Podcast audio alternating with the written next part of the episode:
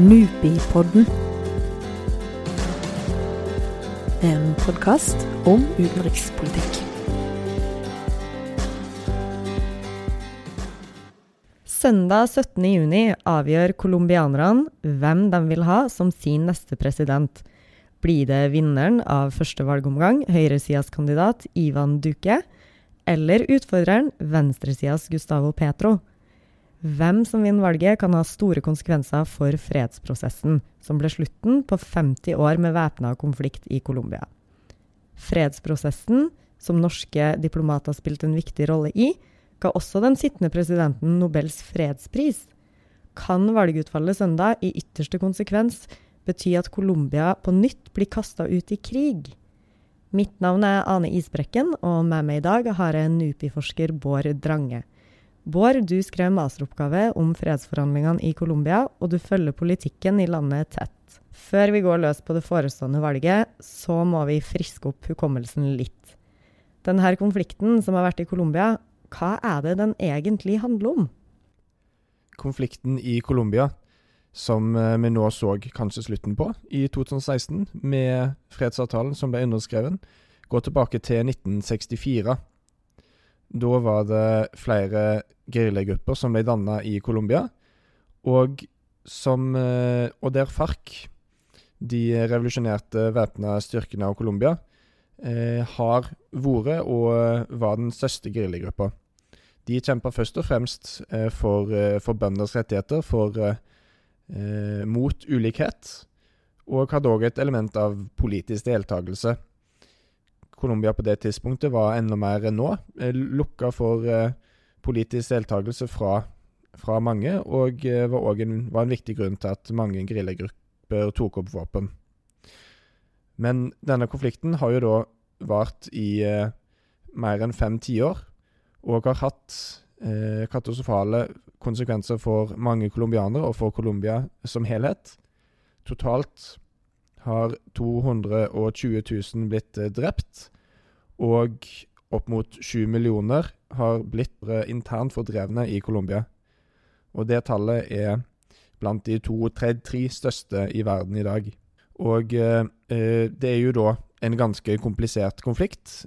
I eh, Norge så har vi mest hørt om, om FARC, som da kjemper mot den colombianske staten. Men det er da ganske mange andre aktører som òg er ganske viktige. Det er jo da FARC, eh, som ble dannet i 1964, og som kjemper mot staten de neste to tiårene uten eh, veldig stor intensitet. Så skjedde det flere viktige ting på 1980-tallet, bl.a. at eh, mange colombianske væpna aktører, blant de FARC, eh, tjente veldig mye penger på eh, å kontrollere narkotikaeksport. Eh, og eh, vokste derfor eh, i, i, størrelse og ble en mye sterkere geriljagrupper. Nå var jo da narkotika en av flere inntektskilder, men en veldig viktig en. Og sammen med FARC så var det de som da dro enda mer nytte av narkotikaeksporten, og som tjente seg mye større og, og rikere, var jo da narkotikakartellene. Men de er jo da blir sett på som kriminelle aktører, som ikke nødvendigvis har en politisk målsetning. Så da har vi både FARC og noen andre geriljagrupper som per i dag er, er, borte. Den eneste som gjenstår, er jo da ELN, som fremdeles ikke har lagt ned våpnene, og som har en fredsprosess som, som står i stampe per nå. Men i tillegg så har en det som heter selvforsvarsgrupper, som oppsto på 1980- og 90-tallet, som kjempa mot FARC. De forente seg og ble mye sterkere som en, eh, en paramilitær styrke på slutten av 90-tallet. De var jo da separate, på en måte, eh, men en litt sånn vanskelig aktør å forstå seg på. Men de var da veldig viktige for at eh, Veldig viktige for å holde FARC nede, egentlig. For å, for å kjempe mot dem på 90-tallet. Men det har spilt en mindre rolle i det siste. En annen viktig aktør er da USA, eh, som da først og fremst gjennom krigen mot eh, terror, men òg pga. narkotikaproblematikken, har vært veldig delaktig i å bekjempe FARC gjennom å gi mye penger og militær støtte til den colombianske staten. Så en har da veldig mange forskjellige aktører som som har spilt og spiller en veldig viktig rolle. Og oppi alt dette her så har hun da hatt eh, totalt fire fredsprosesser med FARC, eh, der det er da den siste som da så langt har vært en suksess. Partene signerte fredsavtale i 2016, og har nå begynt med gjennomføringen, men den er vanskelig, en har få ressurser, Og den politiske viljen er kanskje eh, ikke så stor som den burde være. Ja, fordi nettopp de her fredsforhandlingene var jo det som gjorde Norge kjent med situasjonen i Colombia i 2016, da Santos, som nå sitter som president, ble tildelt Nobels fredspris. Hvilken rolle har egentlig han spilt i den fredsprosessen som vi har sett de siste åra? Juan Manuel Santos har spilt en, en helt sentral rolle. På 2000-tallet så var det en annen president i Colombia som het Alvaro Uribe og han ville bekjempe FARC militært, og anerkjente ikke at FARC hadde politiske målsetninger. Uribe kalte FARC eh, narkoterrorister, og mente med det at de, de brukte vold for økonomisk vinning og eh, spredde frykt i befolkningen gjennom terrorisme. Eh, Santos er en veldig komplisert og spennende person. Han var jo da forsvarsminister, faktisk, under Uribe, og var jo da leda kampen mot FARC. Men etterpå, da han ble president i 2010, Eh, så mente han at den beste måten å slutte denne krigen på, er gjennom eh, forhandlinger, der han da anerkjente at FARC har politiske mål, men at, men at det er bruken av vold som er problemet. Så da har en da en fredsforhandling som, som begynte mm, på et initiativ fra Juan Manuel Santos, og som han da inviterte FARC til en fredsprosess som FARC tok eh, vare på, og som da har gått sin gang først to år med hemmelige forhandlinger, og så ble det kjent for verden i 2012 at eh, de hadde vært og hatt samtaler, før da selve fredsprosessen begynte i 2012 og ble ferdig i 2016. Et tema som du tar opp i forskninga di, er jo hva som får parter i konflikter til å gå til forhandlingsbordet. Hva var det egentlig som til slutt fikk FARC og myndighetene i Colombia til å forhandle? Det aller viktigste for å slutte en konflikt, er kanskje logisk nok politisk vilje. Altså Hvis aktørene, hvis den colombianske staten og FARC ønsker å slutte konflikten på fredelig vis gjennom forhandlinger, så, så vil de òg gjøre det. Det var ikke veldig lett å se for utenforstående i 2012. Eh, egentlig ganske umulig å vite om det ville føre fram, eller om, ville, om prosessen ville kollapse. I min forskning så mener jeg at det er først og fremst to grunner som gjorde at eh, FARC og den colombianske staten valgte å forhandle. Og Det første er at FARC ble betydelig svekka militært på 2000-tallet eh, under regjeringen til Alvaro Uribe. Men så eh, er det andre viktige elementet at da Santos, i motsetning til Uribe, anerkjenner FARCs politiske mål og velger å gå inn i en forhandling der han er klar til å inngå politiske kompromiss med FARC, for at FARC da skal legge ned våpnene. Mange husker kanskje at vår egen tidligere utenriksminister Børge Brende fikk mye av æra for fredsforhandlingene. Hvorfor var egentlig norsk diplomati viktig for denne fredsprosessen? Det som ofte kjennetegner konflikter som varer veldig lenge, er at det logisk nok er veldig stor mistillit mellom partene. Og en skal ikke helt si at den er forsvunnet. Den eh, eksisterte gjennom hele fredsprosessen og, og fremdeles nå i dag. Eh, og Derfor var det veldig sentralt at en hadde en tillit til prosessen. Og prosessen, eh, den var det Det var både Cuba og Norge såkalte tilretteleggere, eller garanters som skulle garantere for at fredsforhandlingene var, var ordentlige, at de var legitime. at den andre, andre, parten faktisk var villig til å, å etterholde avtalen når en etter hvert skulle nå den. Så der spilte nok Norge òg en viktig rolle med å gi det forhandlingene legitimitet, og ikke minst støtte opp, bl.a. Eh, økonomisk. Tilbake til dagens situasjon. På søndag så er det altså presidentvalg i Colombia. Kan du si litt om hva og hvem colombianerne egentlig skal velge mellom? På søndag er det da andre valgomgang i det colombianske presidentvalget.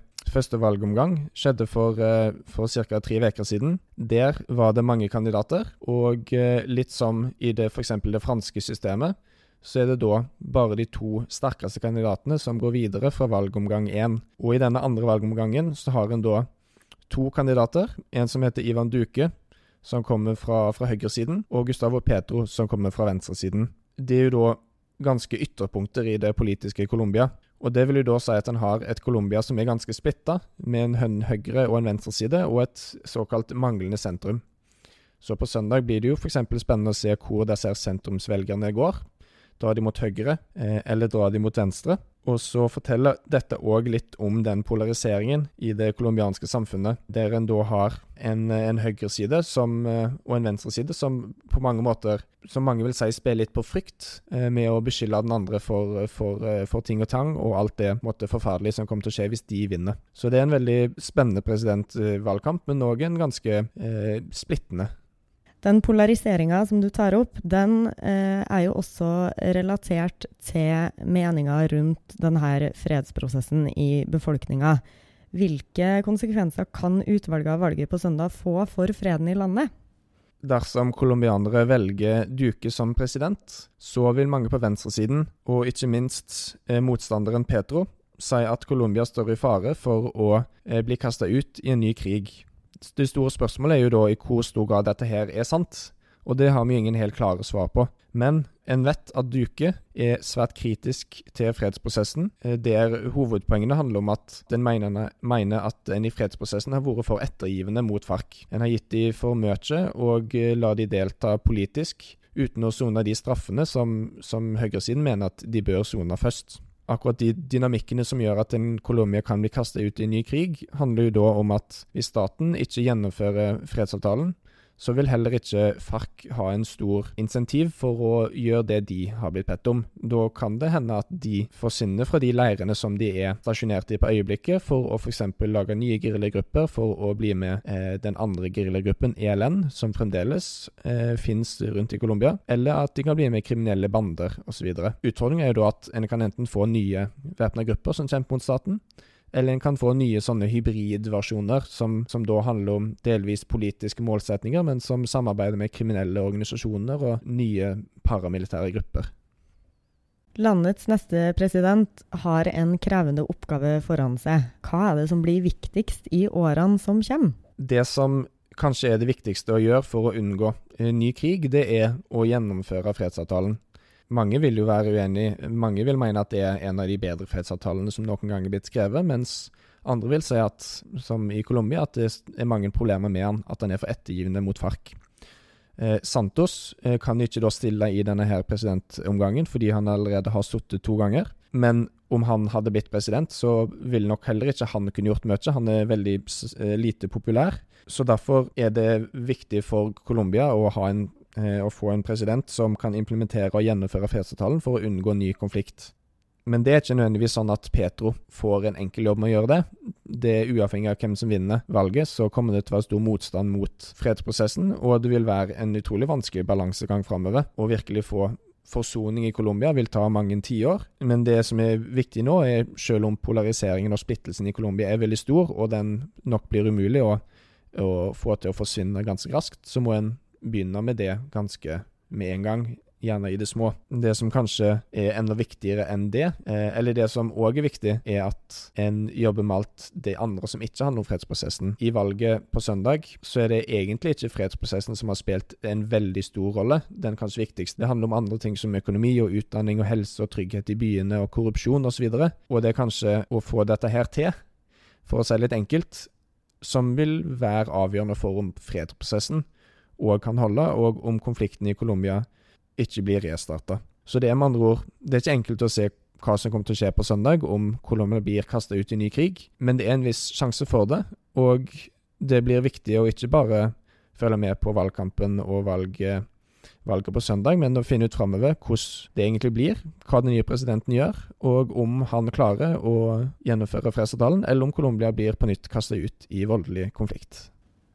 Det høres ut som at alt ligger til rette for en spennende søndag, altså. Tusen takk for at du ville være med og gjøre oss litt klokere, Bård. Til slutt, vil du høre mer fra oss? Da foreslår jeg at du abonnerer på Nupis podkast, enten i Soundcloud eller via en podkast-app. Vi høres!